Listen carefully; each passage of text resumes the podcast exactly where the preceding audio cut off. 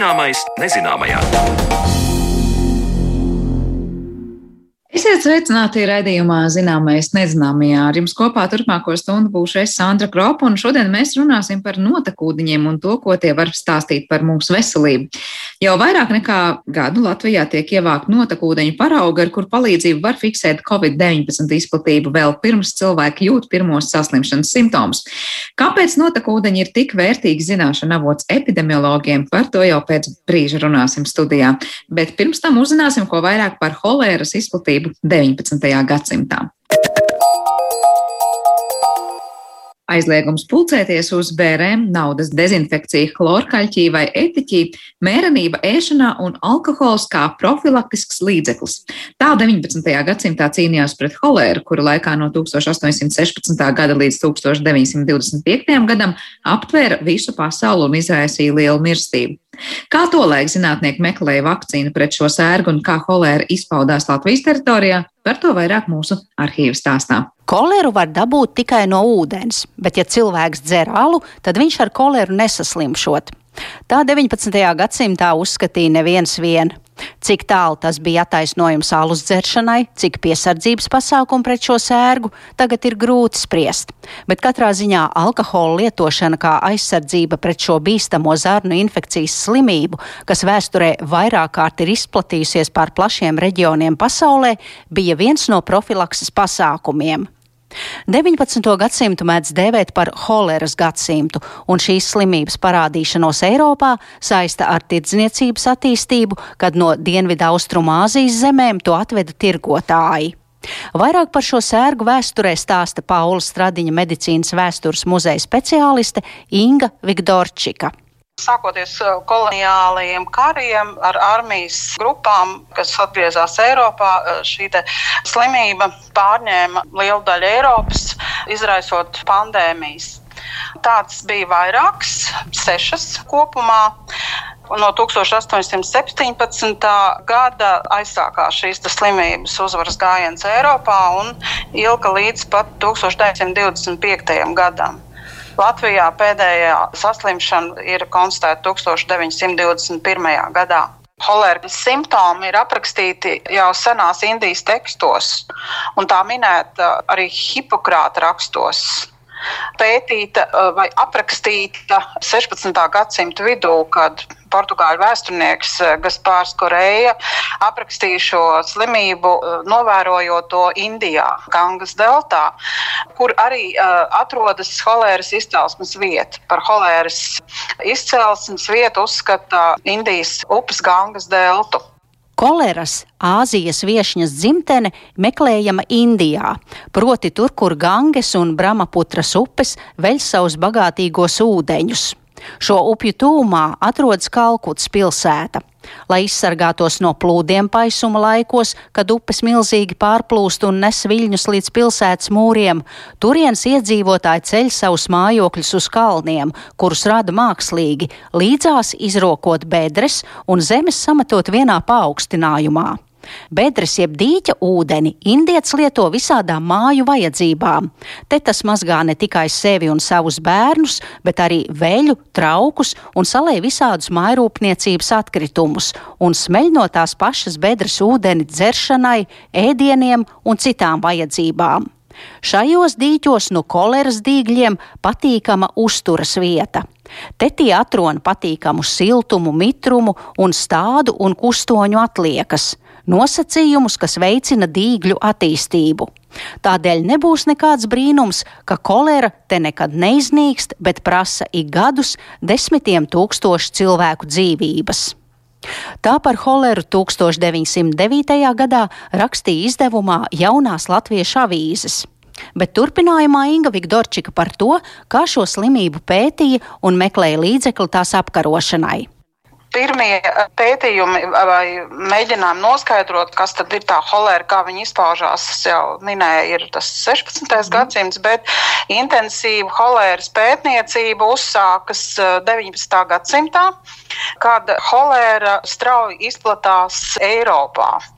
Līdz tam, līdz 19. gadsimtam, holēru vairāk pazina kā dienvidu austrumu zemju uh, slimību, un Eiropu tā nepiemeklēja. Bet uh, sākoties koloniāliem kariem, Holēra nonāca arī Eiropā.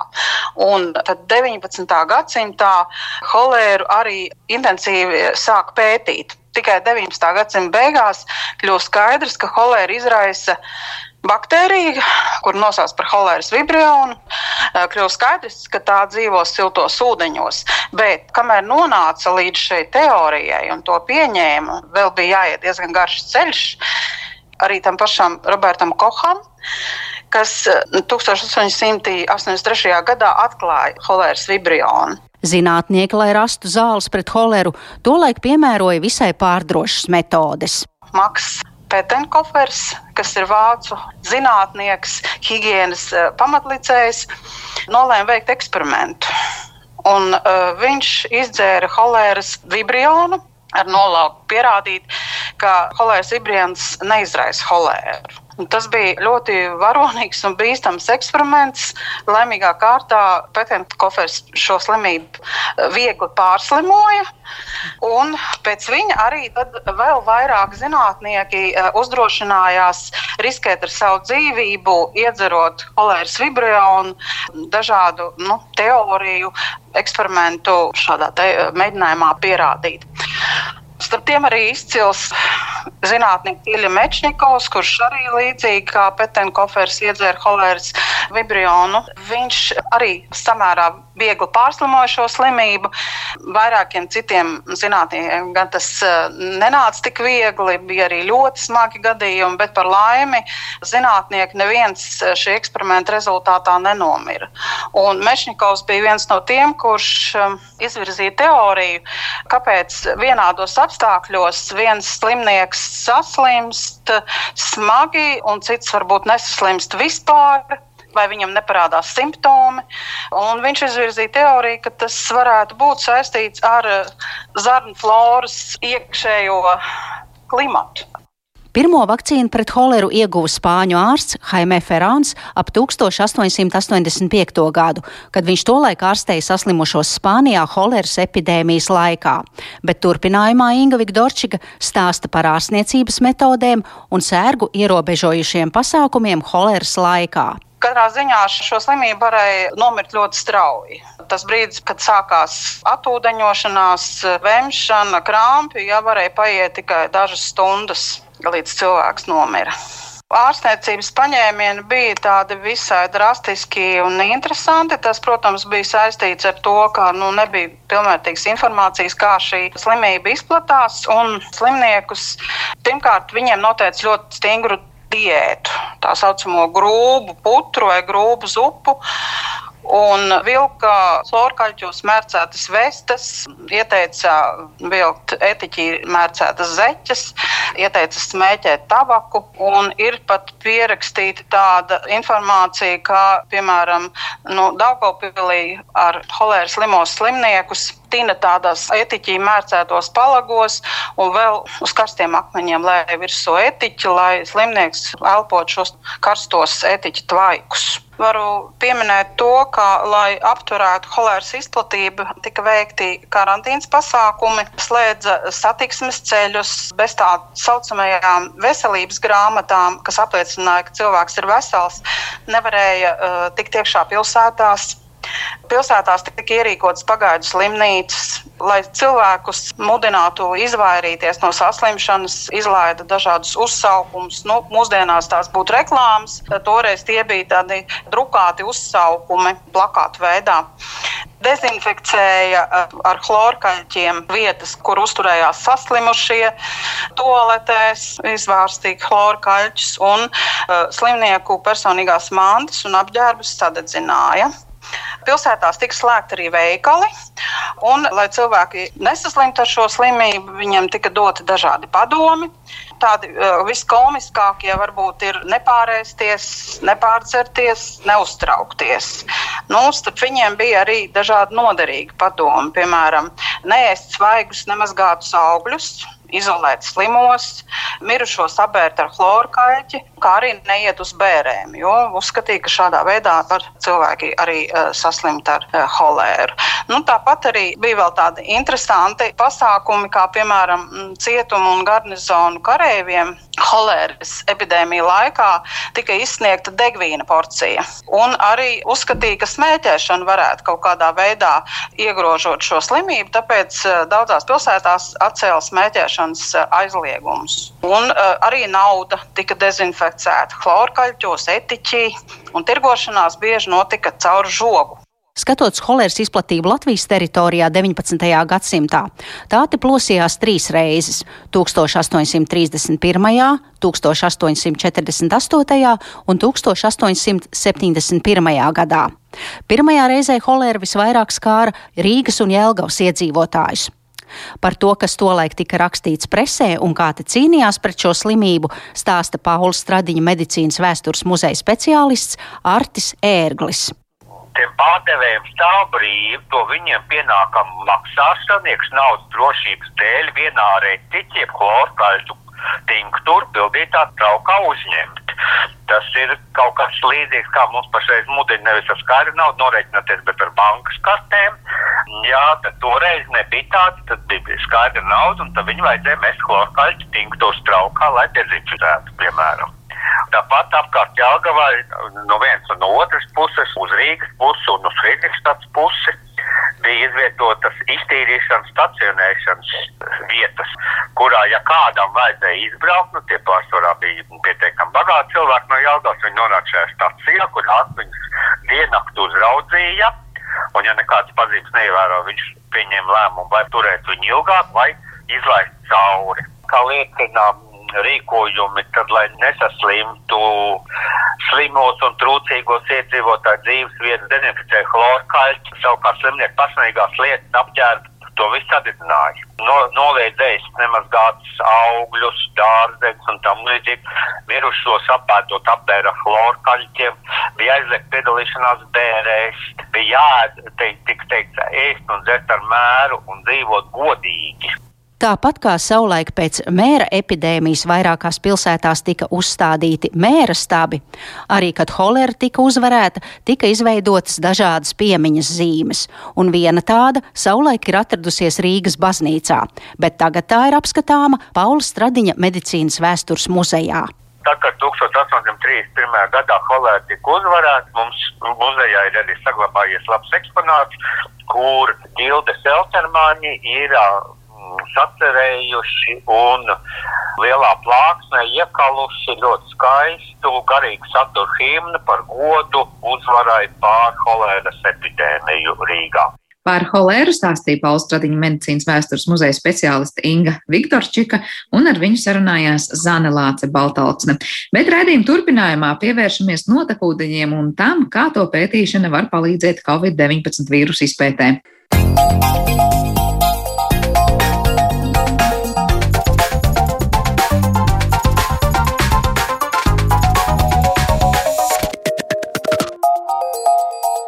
Zināmais nezināmajā.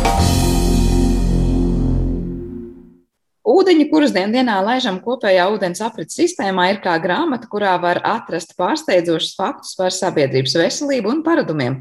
Aizdītā gada pavasarī stāstījām par to, ka Latvijā uzsākts notekūdeņu monitorings, kurā var konstatēt Covid-19 izplatību.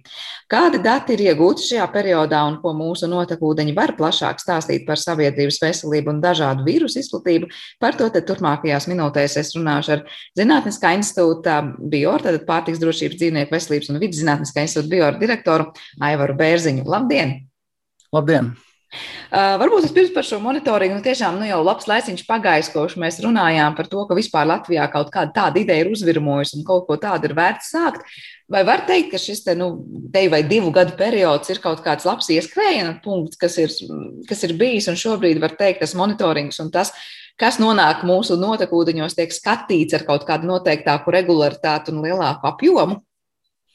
Mm, jā, manuprāt, Latvija tādā ziņā ir eh, parādījusi sev no pozitīvās puses, ka mēs esam spējuši gan zinātniskā sabiedrība, gan arī valdība vienoties par to, ka ir atsevišķi pētījumu rezultāti vai pētījumu aktivitātes, kuras jau ir nobriedušas un gatavas, lai tās transformētu jau oficiālās valsts monitoringa programmās. Un tam jau ir pievienotā vērtība jau ilgtermiņā, stiprinot un pilnveidojot un modernizējot mūsdienu slimību uzraudzības programmas. Un manā skatījumā tā ir ļoti, ļoti būtiska, būtisks tāds, nu, darbības virziens, kuru vajadzētu vēl daudz aktīvāk arī izmantot eh, nākotnē, ne tikai Covid eh, pētniecības kontekstā, bet arī citu slimību uzraudzības kontekstā. Vai es pareizi saprotu, ka līdz šim mūsu notekūdeņos nekas tāds netika skatīts un meklēts, vai tur ir kādas noteiktas slimības, par kuru mēs varētu teikt, nu tad tur cilvēki Rīgā vai kur citur slimo ar šo vai citu kaiti? Ja mēs runājam konkrēti, protams, ja mēs runājam pasaulē, globāli, notekūdeņi, protams, ir slimību pētniecības jomā nereti ir izmantota. Bieži tiek pieminēts eh, polio vīrus, poliomielītu vīrus, kuru vajadzētu, eh, kuru monitorē un skata daudzās pasaules valstīs. Uh, tad eh, šobrīd jāsaka tā, ka Latvijā, jā, protams, notekūdeņi un to kvalitāte, ja tā drīkst teikt, vai, vai drošums eh, tiek eh, skatīts regulāri un notekūdeņi, protams, tiek monitorēti dažādiem mērķiem, vai tie ir industriālie, urbānie notekūdeņi vai kā tam līdzīgi. Bet runājot par slimībām, jā, Covid-19 pandēmijas laiks bija tas, kas pievērsa daudz lielāku uzmanību arī notekūdeņu monitoringam. Tā kā faktiski Covid bija tas, kurš stimulēja Latvijā, stimulēja Latvijā ievies šo oficiālo monitoringu programmu. Man par ko man ir prieks, ka tā ir. Mēs esam viena arī no pirmajām Eiropas valstīm, kas to ir uh, sekmīgi palaidusi. Kas tad ir šajā laikā, nu, nezinu, pie kādiem datiem esam tikuši? Kas novērots, kas novērtēts, kas izsvērts un kas atrasts? Pirmais svarīgākais um, sasniegums ir tas, ka mēs esam spējuši uh, savienot un uh, izveidot tādu kompleksu sistēmu monitoringa, kurā ir iesaistīts vairākas institūcijas. Un tas akcentē to, ka šodien, lai mēs pētītu slimības, mums ir ļoti labi jāsaprot cilvēks, vide, varbūt pat dzīvnieks un to, kas notiek ar slimību ierosinātājiem. Un faktiski, ja mēs skatāmies arī šo notekūdeņu monitoringa sistēmu, tad mēs redzam, ka tur ir absolūti nepieciešams sadarboties gan tehniskiem cilvēkiem, gan pašvaldībām ar notekūdeņu sistēmām, kā pareizi ar tos paraugus ņemt, kas nav vienkāršs process. Tad arī, protams, epidemiologiem, infektologiem un laboratorijām. Tas ir tas nākotnes, manuprāt, izaicinājums radīt nacionālā līmenī un arī Eiropas, varbūt globālā līmenī tādu starpsektoriālu sadarbību, jo faktiski tā ir tā nākotne, ka mums vajag daudz un kompleksu zināšanas, lai to varētu darīt. Tā, tā ir tā, tas viens, viens elements, šī sadarbība. Otrs elements ir tas, kas ir panākts, ir tas, ka mums Latvijā šobrīd jau vairākas pašvaldības, lielākās pilsētas, kuras ir iekļautas šajā monitoringa sistēmā, un faktiski tie ir tikai pāris mēneši, kad šī sistēma kā monitoringa, kā valsts oficiāla monitoringa sistēma darbojās Latvijā. Faktiski tā ir tā, kura parāda uh, parāda šīs tendences. Un, manuprāt, pirmā, pirmā nianse, kas varēja izpausties šobrīd, mums kopš rudens sākuma, ka mums bija ļoti strauji pieaug saslimšanas gadījumu skaits. Mēs to ļoti labi redzējām notekūdeņu rezultātos. Un tāpat laikā arī šis pēdējais mājasēdes posms parādīja šīs tendences vai to pozitīvo efektu arī, kas stabilizējās un neturpinājās saslimšanas gadījumu skaita pieaugums. Tas nozīmē to, ka ieviešot vienu vai otru ierobežojušu pasākumu vai arī skatoties, kā slimība tālāk izplatās, notekūdeņi ir sava veida spogulis, lai redzētu, kādas tendences šobrīd ir un kādas potenciāli tendences varētu būt. Un tad Tā trešā lieta ir noteikti, ka, ko gribu uzsvērt, ka notekūdeņi vai notekūdeņu monitorings nevar tikt analizēts atrauti no kopējās epidemioloģiskās situācijas analīzes. Tā ir viena neatņemama sastāvdaļa, kur mēs liekam kopā, lai saprastu šo kopainu uh, vispusīgāk.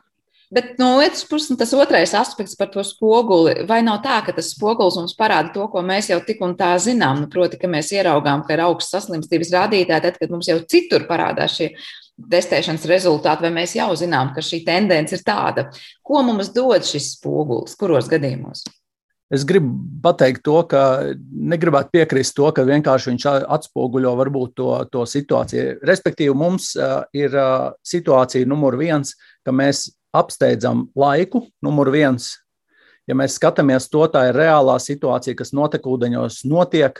Mums pat arī iespējams populācijā mēs vēl nezinām, cilvēki vēl nav konstatējuši savus klīniskos simptomus, vēl nav nodots viņu paraugs eh, testēšanā, cilvēku paraugs testēšanā laboratorijai, vēl rezultāts nav apstiprināts un vēl nav iegājis statistikā kamēr notekūdeņi atspoguļo reālās, reālā laika situāciju vai atspoguļo to, kas notiek tajā konkrētajā populācijā. Tas ir viens, apsteigt laiku. Otrs mērķis ir ietaupīt resursus. Ja mēs paskatāmies, piemēram, mēs paņemtu pilsētu kaut vai Liepāja, viena pilsēta kā piemērs, cik mums vajadzētu veikt cilvēku testēšanas, lai mēs redzētu reālo situāciju. Un tad mums ir kaut kāds rādītājs no otekūdeņiem, kas atspoguļo visu populāciju konkrētajā, konkrētajā pašvaldībā. Protams, šeit ir jāņem vērā arī viens faktors, ir cilvēku mobilitāte. Tā, tā, tie arī, ko mēs varbūt vēlāk arī pieminēšu, arī šie populācijas biomarķieri, cilvēku mobilitāte, kas arī savā veidā ietekmē šos rezultātus. Tā kā tā, tas būtu. Un trešais, trešais aspekts arī, protams, ir, kas mums ir svarīgi, ir šie vīrusu varianti un mutācijas, kuras mums ir svarīgi arī notekūdeņos monitorēt. Un tas arī viens no svarīgākajiem Eiropas komisijas rekomendāciju uzdevumiem dalību valstīm arī fokusēties arī un skatīties šo vīrusu mutācijas un uh, iespējams kādu jaunu variantu parādīšanos konkrētā uh, reģionā. Lai mēs pirms turpinām sarunu, kā mobilitāte to visu ietekmē un kā var teikt, mūsu kustīgais dzīvesveids, ja to, ko roku rokā ar to kādus datus iegūstam, Izskaidrojiet, kā tas notiek, nu, piemēram, šobrīd, ja mēs ņemam Rīgu, kas ir liela pietiekoša pilsēta Latvijas robežās, noteikti. Tā, tā monitoringa būtība ir tas, ka jūs paskatāties, kas nonāk jau notekūdeņu attīrīšanas stacijā tur Daugaugrīvā. Vai ir iespēja kaut kur jau pa ceļam, kā teikt, paskatīties, nu tad nāk, es nezinu, no tādas apkaimes vai no šādas apkaimes, vai vēl jau vairāk no kaut kādiem konkrētiem kvartāliem vai dzīvojamo rajonu masīviem, kur tad tā saslimšana ir. Jo man dažkārt liekas, ko dod tas, ka jūs varat pateikt, nu vispār Rīgā ir Covid. Mm -hmm. Bet vai Rīgā, Bolderājā vai Mangaļsalā ir tas Covid, tur ir mazliet atšķirība. Jā.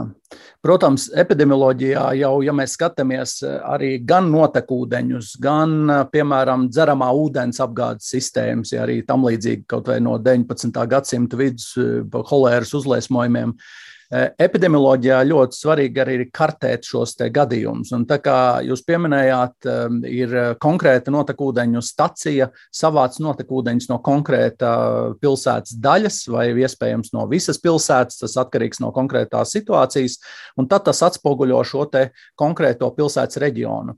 Ir arī pētījumi, kur ļoti labi parāda arī, piemēram, ka šī notekūdeņu paraugi tiek ņemti varbūt vēl pat no šaurāka kāda spektra, piemēram, no slimnīcu bloka bloka vai no cietumiem vai no kādām institūcijām. Tā arī ir vien, viens no variantiem, ja tas ir nepieciešams. Līdz ar to tas, tas jebkurā gadījumā atspoguļos kaut kādā reģionā, kaut kādu konkrētu apgabalu, kurā šī slimība parādās. Bet uh, Latvijas gadījumā, tad Rīgas gadījumā, kā notiek, jūs tos paraugus ņemat tikai notekūdeņu, var teikt, nu jau gala stacijā pirms to attīrīšanas. Jā, taisnība. Ja mēs skatāmies uz tādām pilsētām, nu, kuras gribētu teikt, ka ir salīdzinoši lielas pilsētas, ja kur ir, kur ir miljons pāri. Miljons, protams, ka tur jāskatās ir pilsētas apgabala. Bet uh, svarīgākais tas, ka, ko es gribu atkal uzsvērt, to, ka mums ir jāskatās tās tendences laika ziņā. Un, ja mēs paņemam kaut vai to pašu vienu ūdens attīrīšanas staciju, kaut vai Rīgu, mums ir jāskatās no tiem mērījumiem kaut kādā, pieņemsim, tas ir nedēļu griezumā kur, mums, kur mēs varam pateikt, jā, šajā pilsētā vai šajā reģionā ir kādi kritumi vai pēkšņi arī, ja ir, mums ir miera periods, pēkšņi kādi strauji, strauji pieaugumi. Un, protams, ka arī šī lieta, kā es jau sākumā minēju, bieži ir tā, ka šos mērījumus arī nevar vērtēt vai analizēt izrauti no konteksta. Mums jāskatās arī epidemioloģiskā situācija konkrētā apvidū. Tāpēc epidemioloģijā tā ir, tas ir milzīgs izaicinājums šo informāciju likt kopā, lai radītu tādu vienu objektīvu kopainu, kas notiek konkrētā pašvaldībā vai pilsētā. Bet, nu, cik mēs varam iedomāties, jūsu sistēma būtu spējīga, nu, kā teikt, noteikt, lūk, konkrētā saslimšana, ja mēs runājam par covid, covid ir pilsētā, vai te ir stāsts par to, ka tur slimo jau tūkstošiem cilvēku, Vai, mhm. nezinu, saslimušo būs 5 līdz 10, un tas būs nu, tāds jau pilnīgs miera periods, un jūs teiksiet, mēs notekūdeņos vienalga redzam, ka tur ir šī saslimšana. Proti, nu, ir, kurš, kurš ir tas slieksnis, kurš notekūdeņos to atspoguļos? Jā, tie, tie sliekšņi var būt dažādi, un kā mēs skatāmies arī no, no slimības viedokļa. Mēs tagad, ja mēs paņemam kaut vai pašu Covid-19 pandēmiju, uh, mums šie mērījumi ir, ka mēs esam pandēmijas ļoti augstā posmā. Faktiski monitoringu mēs sākām tad, kad bija ļoti augsts saslimstības rādītāji, jau pieaugums. Jebkurā gadījumā mēs vienkārši redzam, ka notekūdeņu sistēmā šīs RNS kopijas ir, to skaits ir liels un viņš ļoti cieši korelē ar cilvēku saslimstības skaitu. Tas efekts būtiskākais, protams, kas ir ļoti, ļoti svarīgi, ir ja mēs ieviešam arī kādus pasākumus, lai mēs redzētu arī to, ka tam ir pozitīvs efekts jau saulaicīgi, tad mēs redzam, jā, tas efekts ir. Un uh, to, ko pieminējāt arī uh, slimību gadījumā, ja, piemēram, mums ir monitorings, ka mums vispār saslimšanas gadījumu, gadījumu skaits nav un ir kāda bīstama infekcijas slimība, protams, tad mums arī tie signāli ir ļoti vērtīgi. Arī, piemēram, ja mums populācijā mēs sakām, jā, mums saslimšanas gadījumi nav, tāpat laikā mēs notekūdeņi ūdeņos redzam konkrētā reģionā, ka mums parādās nezinu, RNS signāli konkrētam vīrusam, piemēram, kur parādās, jā, mums ir bažas, ka kaut kur šī saslimšana ir, ko varbūt cilvēks vēl pats nenojauš. Bet te jautājums par to, varbūt ar to saslimšanu saskaras tur viens vai pieci cilvēki, un to varēs ieraudzīt notekūdeņos, vai tas ir pārāk maz, lai notekūdeņos ieraudzītu, ka, lūk, ir slimība, kuras izplatība ir sākusies, bet tur jau slimo, piemēram, varbūt jau 500 cilvēki.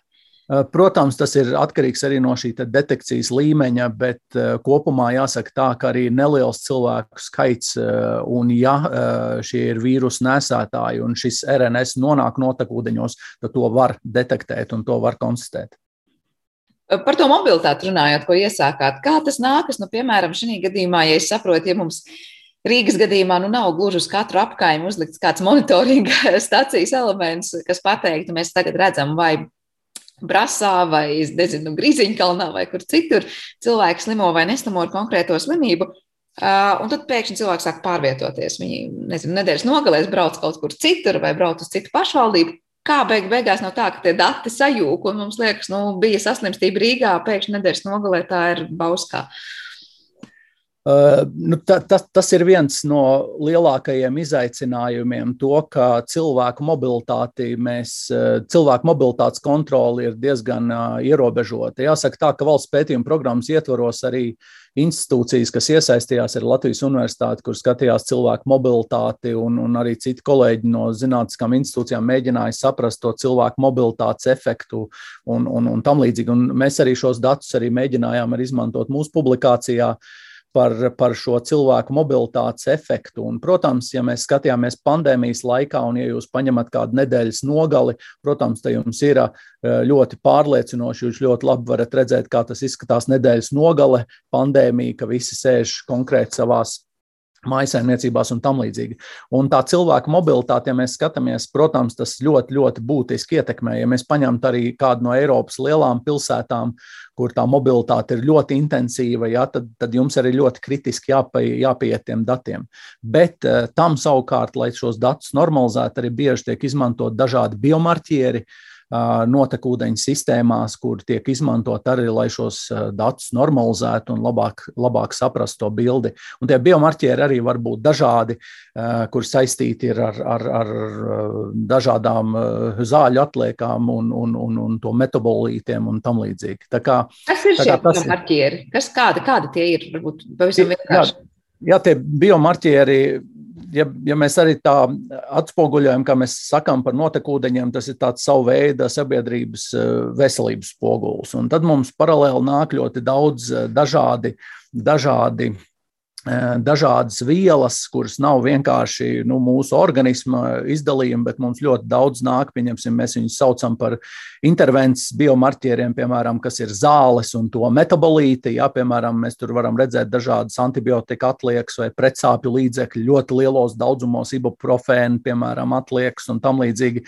Tad mums ir tādi uh, bioķīmiskie marķieri savukārt, kuri atspoguļo šo nu, mūsu organismu, to, to fizioloģiskā tās nu, fizioloģiskās atbildes, ja tur visādi interleikīni un, un, un reaktīvie proteīni un tam līdzīgi. Un tam mums arī ir, ir eh, dažādi vēl citi, kuri saistīti ir ar, ar, ar um, cilvēku bioloģiskām atbildēm. Tā kā tie ir faktiski, kurus mēs varētu saistīt arī ar šo populāciju Eh, daudzumu, mēs varētu saistīt viņus ar, ar, ar citiem procesiem. Tā kā bieži šie biomarķieri, tas ir arī atkarīgs no, no mūsu pētniecības mērķa, bet arī šos biomarķierus mēs varam izmantot kā papildus informācijas, eh, informācijas avotu.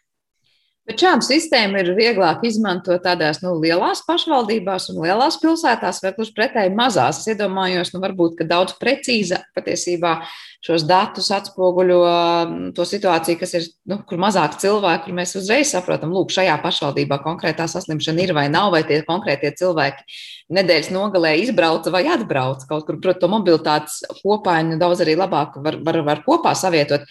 Vai gluži pretēji, kur mazāk tādu datu, tur mazāk varbūtība kaut kādās kopsakarībās atkal to ainu ieraudzīt? Uh, nu, tas arī atkarīgs, protams, no slimības un, un, un atkarīgs no tā ierosinātāja vai no tā monitoringa mērķa. Uh, un, un, protams, ka šobrīd, ja mēs skatāmies Covid kontekstā, mums ir uh, mērķis uh, pēc iespējas skatīties lielākas, vairāk pašvaldības. Mums vajag saprast, kas notiek populācijā vai kaut kādas lielas tendences. Ja mēs nonāktu situācijā, ka mums būtu saslimstība, piemēram, tie būtu atsevišķi saslimšanas gadījumi, kur ātri tiek izķerti, mobilizēti, ja, tad mēs varētu mainīt arī šo stratēģiju. Līdz ar to notekūdeņu monitoringa sistēmai nevajadzētu būt kā iecirstai akmenī sistēmai, viņai jābūt fleksibilai, pielāgojoties konkrētās saslimšanas vai mērķa organisma Eh, epidemioloģiskai situācijai. Ja? Pieņemsim ar to pašu polio arī ir pilsētas, kurā šī slimība nav, bet joprojām viņi tiek monitorēti, jo tiek uzskatīti, ka ļoti, ļoti būtiski, ja? vēsturiski, bet būtiski, lai mēs izķertu vai kāds gadījums neparādās. Līdz ar to eh, pilsētas izmērs, ja mēs skatāmies Covid kontekstā, Eiropas komisija rekomendē, ka noteikti vajadzētu monitorēt pilsētas, kurās iedzīvotāju skaits ir virs 150 tūkstošiem. Noteikti. Ja? Tas nozīmē to, ka mēs kā Latvija esam šobrīd šobrīd paņēmuši Rīga ar lielu iedzīvotāju skaitu un lielākās mūsu, mūsu pilsētas. Tā, kā, tā ir tā Tā ir tā lieta, kur, kur ļoti būtiski izvērtēt arī konkrēti, kas mūsu mērķis ir notekūdeņu monitoringam konkrētajā situācijā, slimība vai patogēns, un arī saprast, uz kādām, kāda mēroga pašvaldībām mēs mērķējam. Bet šobrīd, veicot to monitoringu, jūs jau uzreiz uz konkrētu saslimšanu skatāties. Nu, ja jūs, piemēram, šobrīd mērķējat uz covid izķeršanu, ja, tad visticamāk nav tā, ka vienlaikus šī pati sistēma parādīs, es nezinu, tur ir vai nav tuberkulozes, difterija un vēl kaut kas cits. Ja tāds mērķis būtu, protams, eh, metodas, eh, klāt liekot citas metodas, mēs to varam darīt. Un, un tā kā es pieminēju, mēs skatāmies slimību kontekstā, jā, Covid ir viens, mēs vienlaikus, ja mēs ņemam tos pašus paraugus, mēs varētu arī mērķēt uz citām eh, saslimšanām. Mēs varētu skatīties, piemēram, arī tādas problēmas, kas ir saistītas ar antimikrobiālo rezistenci, antimikrobālas rezistences gēnus uh, mērķēt, mēs varētu skatīties vēl uh, arī uh, citu slimību ierosinātājus vai kaut kādus arī biomarķierus, kas mums būtu tajā brīdī būtiski. Protams, tas uzreiz arī paplašina to monitoringu spektru un paplašina, paplašina arī nu, tās iespējas. Jā. Protams, tas ir saistīts arī papildus izmaksām. Un arī droši vien tas notiek nu, dārgāk un lēnāk, varbūt, un laikietilpīgāk, darbietilpīgāk. Arī tā skaitā, protams, ka tas ir papildus metodas un papildus mērķa organismi, kuriem mums jānosaka. Un, ja mēs skatāmies arī par to terminoloģiju, mēs tagad runājam šobrīd raidījumā par notekūdeņu monitoringu, mēs arī jau ejam šobrīd soli tālāk, un nākotnē arī epidemiologi arī skatās un vērtē arī šo terminoloģiju. Ja mēs tā runājam, varbūt ar tādu jau, nu, jau gadus zināmu, terminoloģija notekūdeņu monitorings, tad tagad mēs vairāk orientējamies uz tādu notekūdeņos balstītu epidemioloģiju, kā angļu valodā sauc wastewater-based epidemiology, kas ir, kas ir savā veidā elements, kas ir jau sastāvdaļa ikdienas jau tādai jaudīgai epidemioloģijas izmeklēšanai. Un, un to var izmantot ne tikai arī slimību, uz, slimību uzraudzībā, bet arī, kā es pieminēju, antimikrobiālā rezistence, kas ir tā snaudošā pandēmija, ja tā drīkstam teikt, jā, snaudošā pandēmija. Un tad, protams, arī tās lietas, ko mēs e, bieži arī aizmirstam, kas mums ir ļoti svarīgi, arī dažādas cits, citi, citi mērķi, kas varētu būt notekūdeņiem ar zālēm un nelegālām narkotikām. Es tieši gribēju vaicāt, jautāt, vai šī pati monitoringa sistēma ļautu, piemēram, arī paskatīties, nu, tad, kur pilsētā tiek lietotas dažādas narkotikas vielas, un vai tas ļautu pateikt eh, gan mm. vielu konkrēto, gan apgabalu. Eh, jā, nu, ja, ja mēs tā skatāmies, tad sabiedrības veselības organizācijas arī Eiropā, Amerikā, Austrālijā uh, ir jau līdz šim faktiski tas bija viens no tiem pirmajiem grūdieniem pētīt, nu, kas arī uh, savā veidā atvieglo šos ētiskos aspektus, testējot individus vai eh, individuālus cilvēkus. Eh, notekūdeņus arī ir, ir, ir, iespēja, ir bijušas iespējas arī monitorēt, piemēram, eh, narkotikās vielas. Un, ja mēs paskatāmies, kā tādas kokaīnas, amfetamīni un tam līdzīgi savienojumi, kuri jau ir monitorēti labu laiku, un tas ir dod milzīgu informāciju gan, gan policijai, muitas iestādēm un, un, un, un, un citām iestādēm, kas par to interesējās. Līdz ar to atslogojot šo administratīvo slogu, ētiskās, dažādas ētisko saskaņojumus un tam līdzīgi, kas ir saistīts ar pētījumiem, piemēram, cilvēkiem. Līdz ar to tas notekūdeņu matrica ir ļoti parocīga, ļoti ērta, lai mēs šīs visas jautājumus varētu risināt, un tas arī ļoti mērķēti iedot arī kādu virzienu, kurā tālāk strādāt.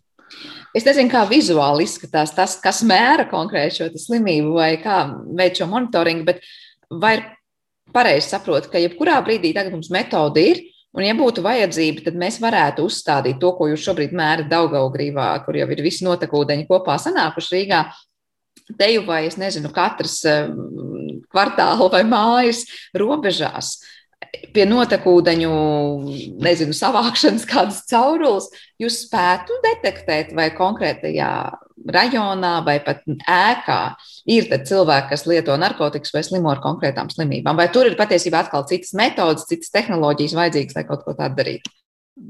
Un tā kā es sākumā minēju, šīs tehniskās, tehniskie parametri ir svarīgi, lai tos uh, ņemtu vērā. Un, protams, ka notekūdeņi kā tādi, tas varbūt tā objekta lielums vai, vai reģiona lielums vai ēkas vai institūcijas lielums ir viens no faktoriem, kuru vajadzētu noteikti ņemt vērā. Bet jebkurā gadījumā notekūdeņu sistēmās ir arī savas lietas, kas ir jāzina pirms paraugs nonāk laboratorijā. Līdz ar to pielāgot, protams, šo metodiku var, un tās iespējas ir. Vienkārši jautājums atkal ir tajā izmaksu un iegūmu analīzē. Ja mēs skatāmies, ieliekam daudz lielas izmaksas, lai mēs monitorētu vienu māju, piemēram, nu, ko mēs iegūstam no tā. Jo lielākoties jau notekūdeņu monitoringa, protams, tas mērķis ir mēģināt aptvert lielāku skaitu, tādā veidā samazinot to individu testējumu objektu skaitu. Ja, tas arī mums ļoti būtiski arī ietaupītu, ietaupītu resursus. Cik bieži dienas laikā, vai es nezinu, kādu regularitāti tā, tā analīze tiek veikta šobrīd? Vai tas ir, nezinu, reizi diennaktī vai reizi stundā jūs skatāties? Nu, at, attiecībā uz Covid un, un pandēmijas situāciju, tad šobrīd tās vadlīnijas, kas ir noteikts, to ļoti stingri rekomendē arī visām valstīm, kas šo veids, ir divas reizes nedēļā. Uh, Latvijā šis ir otrdienas un ceturtdienas, kuros tiek savākt šis 24 stundu kompozīta paraugs, kurš tālāk tiek nogādāts uz laboratorijām. Un tad arī jāpatur prātā, ka e, tas nav vienkārši e, Covid tests. Bieži saprot to, nu, ka, ka, kas tur notiek un kāpēc tur ir, ir pozitīvs un pēkšņi tur ir negatīvs vai kā citādi. Šis ir ļoti sarežģīts, komplekss pasākums, kas notiek notekūdeņu attīrīšanas stacijās, kur tiek paņemts paraugs. Savukārt laboratorijā notiek ļoti arī intensīvi darbi, kas saistīti ar parauga sagatavošanu, koncentrēšanu, sagatavošanu testēšanai, kurā tad tālāk tiek mērīt šīs RNS kopijas, vīrusu RNS kopijas. Un tas ir laikietilpīgs arī un, un, un diezgan sarežģīts, piņķerīgs darbs. Bieži parādās arī paraugi, kur mums tie rezultāti dēļ notekūdeņu nu, šo paraugu ir kaut kādi iemesli, kāpēc notiek kaut kāda inhibīcija vai tam līdzīgi šī testēšana ir stipri, stipri sarežģītāka un piņķerīgākā vienkārši, varbūt, ja mēs runājam vienkārši Covid tests eh, cilvēkam. Un tad, protams, arī mums tas, tas liekot un analizējot kopā ir jāliek arī visi šie tehniskie parametri, arī, kas nāk no notekūdeņu pašām stacijām. Tas, ko jūs tikko teicāt, inhibīcija, kas, es domāju, no daudziem mūsu klausītājiem nav pazīstams vārds, tas eh, vienkāršot sakot nozīmēs, ka kaut kas var tikt, eh, nu, nezinu, tajā brīdī neatspoguļojas, kā realitāte ir. Es nezinu, kaut kas snaudots un mazāks naudas. Ir, ir, ir kaut kādi faktori, kur var nomākt šo reakciju un, un kur var traucēt, var traucēt noteikt reālo, piemēram, RNS kopiju skaitu. Tā vienkārši runājot, kas varbūt tajā brīdī neatspoguļo pilnībā. Ir kāds faktors, kas varētu ietekmēt, un tas varētu būt saistīts arī ar kādu, eh, es nezinu, kaut kādu faktoru, kas varētu būt notekūdeņu sistēmā. Bet te, kad jūs iegūstat ainu, tur konkrētais RNS eh, šis kopiju skaits, tas patiesībā parāda, cik augstā koncentrācijā notekūdeņos šobrīd ir vielas, kas mums pasaka, ka populācijā diezgan daudzi slimo ar covid. Ja? Proti, un savukārt, ja tā koncentrācija būs zema, jūs teiksiet, nu tikai daži, ja? tad tā vairs nav pandēmija, tā ir atsevišķi gadījumi. Jā, tad tas taisnība, absolūti taisnība. Tātad mums ir šie divi parametri, kuri parasti tiek skatīti vienopus laika grafikā. Tātad viens ir šī 14 dienu kumulatīvā saslimšana vai 7 dienu kumulatīvā saslimšana cilvēkiem. Un blakus vienmēr tiek likta arī šīs SARS-CoV-2 vīrusu RNS kopiju skaits. Un tad mums ļoti svarīgi ir skatīties arī laika kaut kādā posmā, uh, Kā jau saku, mēs neskatāmies vienu individuālu mērījumu, bet mēs skatāmies jau laika posmā, kādas ir šīs tendences. Ja? Un, un tā tie, tās pēdējās nedēļas, kas ļoti labi parādīja šo stabiliz, stabilizāciju un parādīja ar savu veidu uh, SARS-CoV-2 arī uh, RNS kopiju skaita arī kritumu, ja? kas ir tāda pozitīvs signāls un, un faktiski, kas arī var tikt izmantots arī tālāk epidemioloģijā. Nu, galvenais, lai šis te, kā jūs teicāt, apsteigt laiku, mums parāda arī ļoti laikus iepriekš, ka ja šobrīd varbūt ir kritums un liekas, viss ir labi, mēs daudz ātrāk spētu saprast, saprast, ka atkal kaut kas nav labi un, un notiek tas kāpums. Un, cik es saprotu, notekūdeņi šajā gadījumā var būt soli priekšā tai reālajai ainē, ko mēs ieraugām pēc testēto konkrētu cilvēku skaita. Noslēdzot šo sarunu, es saprotu, ka nu, notekūdeņi tiešām varētu būt kā tāda atvērta grāmata, kurā lasīt daudz ko kā dzīvojam un cik veseli dzīvojam un ko lietojam un ko nelietojam kā sabiedrība kopumā. Kas notiek tālāk? Es saprotu, šobrīd vienkārši tā monitoringa sistēma jau strādā, bet vēl tiks attīstīta un kā citādāk uzlabota un integrēta? Kādi ir tālākie soļi?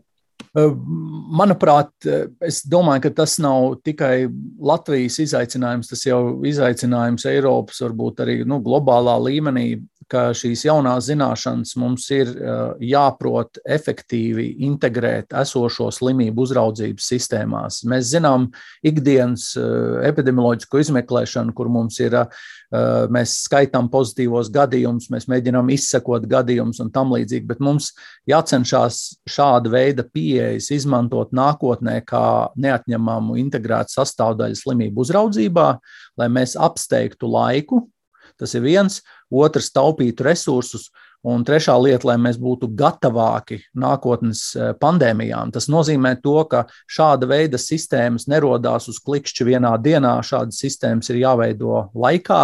Es uzskatu, ka 21. gada pāris mēnešu laikā, ko mums izdevās eh, sakārtot, manuprāt, tas ir ļoti, ļoti labi. Es skatos, kā citām kaimiņu valstīm iet, tas varbūt netik viegli iet, bet, eh, manuprāt, šī ir tā lieta, kurā padarīs mūsu slimību uzraudzības sistēmas daudz mūsdienīgākas un efektīvākas, lai mēs tikai nenoskatītos uz to, kāda mūsu ir situācija šodien, bet arī varētu būt soli priekšā un mēģināt novērst jau nākotnes problēmas. Tā kā varētu celt trauksmi jau laikus un, un kā saka, būt gatavāki. Tā ir realitāte, kas, nu, diemžēl, vairāk vai mazāk sev pieteiks tuvākajā laikā, jo mēs notekūdiņos, kā jūs teicāt, laikus ieraudzīsim to, par ko ziņosim tikai pēc tam.